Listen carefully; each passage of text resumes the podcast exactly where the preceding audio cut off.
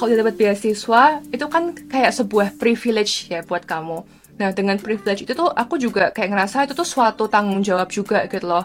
Nggak yang kayak, oke okay, dapat beasiswa, cuma buat uang jajan kita doang kan nggak gitu loh. Makanya kayak aku pengen uh, supaya uh, beasiswa-beasiswa yang aku udah aku dapat itu aku bisa jadiin sesuatu lah buat orang-orang yang juga ngebutuhin juga di Indonesia atau di mana pun itu.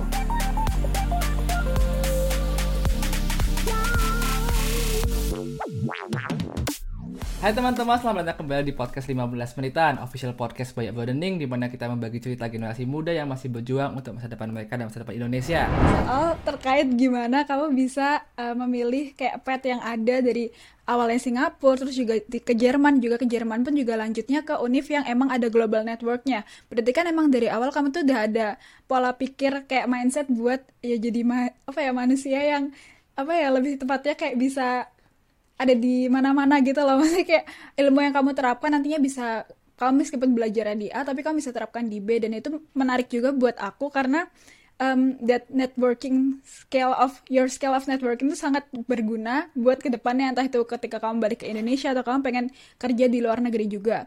Um, and I've seen you as an excellent student juga kan? Karena kamu uh, mungkin tadi belum sempat ke mention tapi Kak Jesian itu uh, dari kuliah eh sorry dari SMA juga ngambil beasiswa. Cuman kayak knowing that kamu pindah-pindah negara dari dulu terus kayak apa sih sebenarnya yang pengen kamu cari dari dari pengalaman-pengalaman tersebut gitu? Terutama kayak pengalaman kamu waktu pertama kali ngerantau sendirian dan ternyata sampai sekarang akhirnya bisa membuat kamu dalam tanda kutip kayak betah gitu loh di negara orang instead of balik ke Indonesia atau hal-hal uh, apa ya mungkin pertamanya gara-gara aku yang di Singapura itu uh, aku realize pertamanya pas aku apply itu aku nggak expect banyak gitu loh. Aku lebih kayak yaudah coba-coba aja. Kayak ini ada kesempatan nih di depan mata aku. Kayak kapan lagi aku bisa dapat kesempatan uh, sekolah di Singapura? Yang aku tahu waktu itu biaya sekolahnya tuh mahal banget dan kalau aku nggak nggak nggak beasiswa aku nggak mungkin bisa sekolah di Singapura kayak gini. Hmm. terus ya udah coba-coba aja. Tapi aku realize uh, setelah melewatin semua itu tuh pengalaman belajar di luar negeri tuh sangat membantu aku develop as a person gitu lah. Uh, makanya sekarang juga aku uh, ke Jerman karena aku ngerasa dari kita surround ourselves with people yang punya cara thinking yang berbeda. Kita tuh beneran kayak nge-challenge diri kita buat kayak go out of our comfort zone kayak gitu loh. Dan itu beda banget sama misalkan kita cuma liburan ke suatu negara selama beberapa minggu tapi dengan kita immerse di suatu negara selama bertahun-tahun kita beneran kayak nge-challenge cara pikir kita. Kita um, in one hand kita stay true to ourselves uh, to our culture as an Indonesian tapi uh, on the other hand kita juga mesti bisa terbuka sama orang-orang dari uh, negara lain. Nggak cuma orang-orang Jerman tapi juga sini juga banyak orang-orang dari negara lain juga.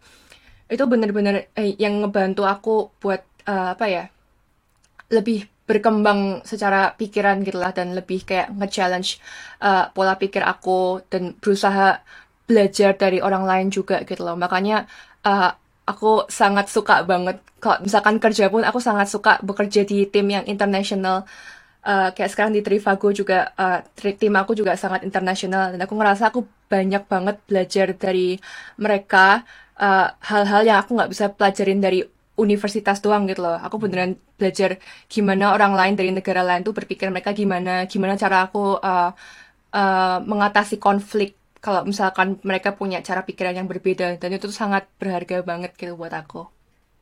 Tapi pernah nggak sih kayak kamu ngerasa kayak out of place gitu. Karena misalnya gini kalau aja mulai kuliah kan mulai sekolah di luar nanti ketika kamu masih muda kan. Jadi pada kan zaman zaman SMA itu kan zaman anak-anak main kan biasanya anak main kayak explore themselves apalagi kan di lingkungannya. Dan you decided sekarang kamu kamu ke Singapura di mana kamu ada di lingkungan yang baru. Dan bahkan ketika kamu di Jerman pun, ketika kamu dikelilingi oleh orang-orang Indo, kan mostly itu kan orang-orang Indo yang punya background berbeda dengan kamu kan. Karena mostly orang Indo kan dari student college, kemudian uni biasa, sedangkan kamu punya background yang berbeda pernah nggak sih kayak kamu ngerasa bahwa out of place in one of your experiences gitu paling merasa out of place mungkin dulu pas di Singapura ya. Dan itu tuh masa-masa yang aku merasa paling kayak homesick banget. Hmm. Karena waktu itu kan juga baru kan kayak uh, ngerasain uh, study overseas gitu. Kok sekarang mungkin udah biasa karena aku dulu juga udah dari Singapura gitu. Tapi pas di Singapura tuh aku ngerasa out of place banget karena aku sekarang realize waktu aku di awal-awal tuh cara pikir aku tuh lebih kayak sangat terlalu individualistik gitu lah. Kayak aku ngerasa aku tuh mesti compete sama orang lain buat kayak keep scholarship aku ini loh. Okay. Dan makanya karena itu uh, aku merasa aku nggak terbuka, aku nggak bisa berintegrasi sama orang-orang Singapura waktu itu. Tapi setelah aku merubah mindset aku dari mindset yang aku mesti uh, proof kalau aku tuh deserve di scholarship, tapi aku mulai kayak mencoba uh, menjalin hubungan dan kayak uh, membangun koneksi dengan orang-orang Singapura saat itu. Dan aku lebih berusaha buat uh, membangun support system aku juga. Aku terbuka sama orang lain aku berusaha lebih vulnerable juga. Kalau misalkan aku butuh bantuan aku terbuka sama mereka. Aku nggak nggak ngelihat orang lain tuh sebagai saingan aku lagi tapi aku beneran kayak saling support mereka dan mereka juga support aku juga. Dan dengan seperti itu tuh aku jadi ngerasa aku beneran bisa bikin rumah kedua aku di Singapura gitu loh. Dan sekarang pun aku juga bisa bikin Jerman tuh sebagai rumah kedua aku karena ya tadi kita tuh nggak bisa kayak terlalu individualistik kayak cuma ke Jerman cuma goalnya cuma pengen dapat nilai bagus terus kayak dapat kerjaan bagus terus udah gitu. Karena hmm. menurut aku kalau cuma kayak gitu doang nggak ada bedanya sama kayak kalau di stay di Indo aja gitu loh. Tapi kita uh, pindah ke negara lain kan karena kita juga pengen terbuka sama culture-nya. Makanya aku sekarang juga berusaha banget uh, buat uh, terbuka, buat bikin support system aku dan menemukan support system aku sendiri di Jerman. Karena itu pun juga butuh usaha dari pihak aku juga, nggak cuma dari pihak orang lain, tapi akunya sendiri juga mesti proaktif, mesti berusaha terbuka sama orang, mesti menjalin hubungan sama mereka, mesti belajar ngertiin orang juga.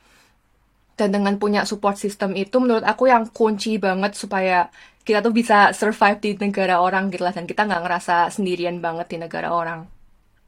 Interestingly kayak tadi kamu mention soal how competitive your environment in Singapore was itu kayak aku juga pernah dengar beberapa hal yang sama gitu. Jadi I'm, I'm pretty shocked ketika ada orang lain juga ngomong itu sama. Jadi apakah emang environment sekompetitif itu sampai kamu kayak they demand you to be really competitive sampai kamu jadi individualistik? Atau kayak how is it? Kayak kenapa kamu sampai bisa berpikir kayak gitu?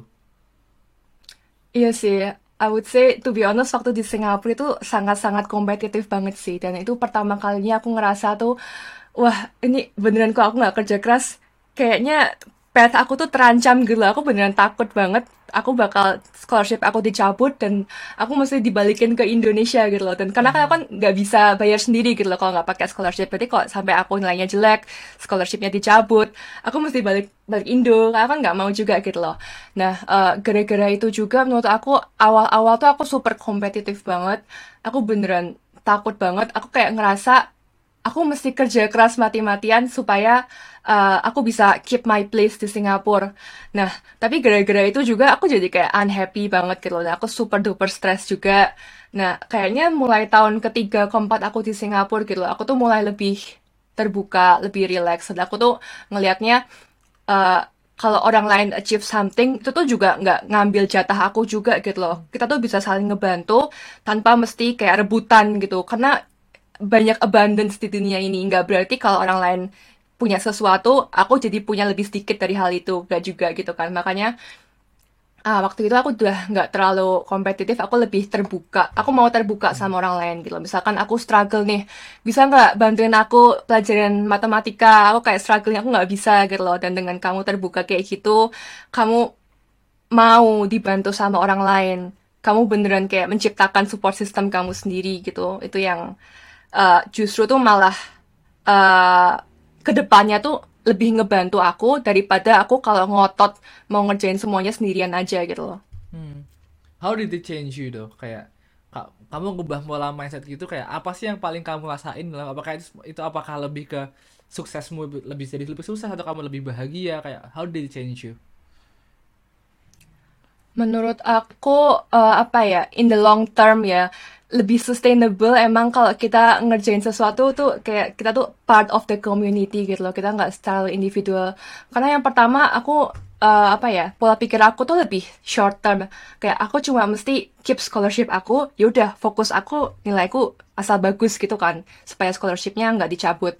Tapi I realize itu tuh nggak sustainable banget gitu loh in the long term. Kita manusia tuh kita mesti uh, bersosialisasi, kita mesti punya namanya kayak sense of belonging. Kalau kita tuh juga dibutuhkan di suatu tempat dan kita juga uh, bisa connect sama orang-orang di sekitar kita. Nggak bisa kita tuh kerja sendirian terus gitu loh. Itu nggak sustainable banget dan kayak itu juga berbahaya banget secara mental. Dulu aku juga orangnya tuh yang kalau mau ujian tuh selalu kayak panic attack gitu loh. Karena aku kayak sangat-sangat apa ya terlalu kompetitif lah kayaknya waktu itu. Hmm. Cuma semenjak aku berusaha lebih relax, aku juga dulu curhat ke teman-teman aku, eh aku nih punya masalah nih loh. Aku tuh dulu panic attack banget kayak dan mereka juga mau ngebantu aku. Mereka misalkan kalau aku stres belajar kita ngerjain sesuatu bareng-bareng dan aku berasa in the long run uh, sangat lebih apa ya sustainable juga buat aku kalau aku uh, melihatnya aku tuh kayak kerjanya secara part of the community dan kayak aku tuh nggak terlalu individualistik kayak gitu. Hmm. And how is the experience di Germany? Katanya kamu kan udah ngebilangin gitu kamu ke Singapura kayak di Jerman apakah kamu juga awalnya itu di itu benar-benar jadi kompetitif kayak how did you cope with everything happening di Jerman waktu kamu pertama kali nyampe? Uh, di Jerman enggak sih, aku sudah melewati fase-fase kompetitif aku kayaknya dari Singapura gitu loh.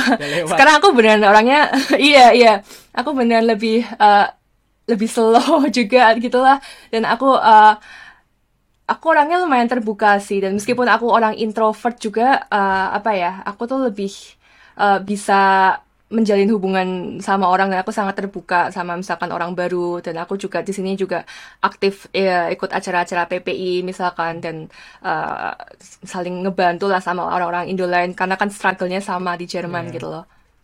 Mm -mm.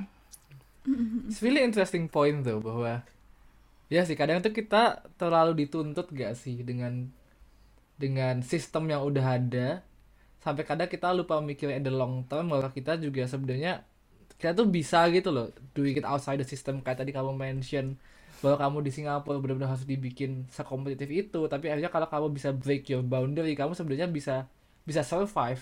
Tapi kan aku yakin pasti the moments yang benar-benar make uh, made you let down gitu kan. Karena benar-benar kamu mikir wah apa lanjut nggak nih gimana? Kayak pasti ada momen di mana kamu masa kayak nggak yakin dengan dirimu sendiri gitu gak sih? Kayak what keeps you motivated tuh all, all of these times gitu